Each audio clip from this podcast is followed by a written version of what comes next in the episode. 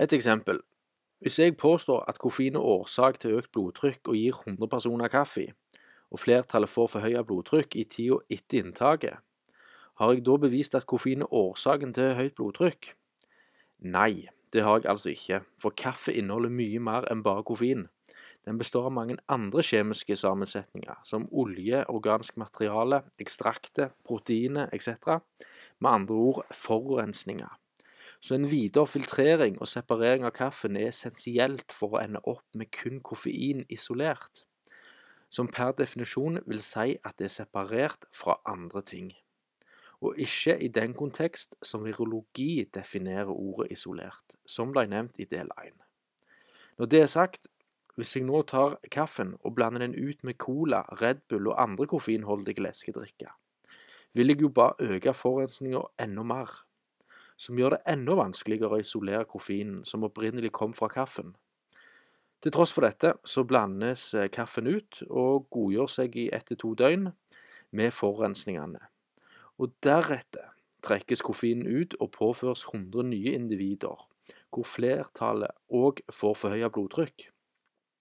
Men det beviser ikke at koffeinen fra kaffe er årsak. Tvert imot.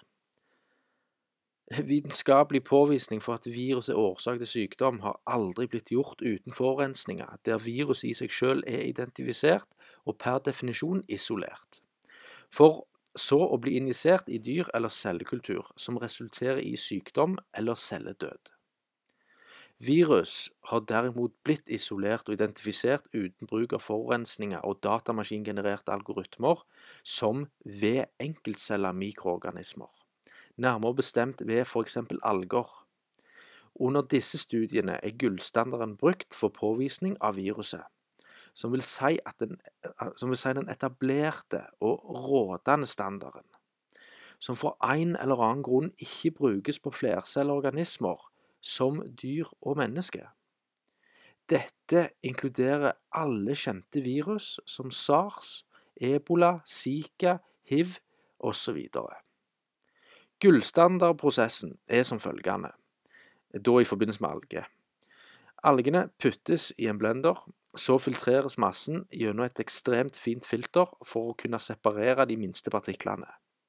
Deretter så puttes det inn i en densitetssentrifuge som skiller partiklene enda mer. Så benyttes en mikropipett, eller på godt norsk en dråpeteller, for å isolere partiklene en siste gang. De nå isolerte partiklene blir enkeltvis analysert via elektronmikroskop, og genstrukturen kartlegges fra ende til annen. Dette er gullstandarden som en logisk, rasjonell måte for å kunne isolere virus. Algene i denne forbindelse, som inneholder viruset, de florerer og er friske.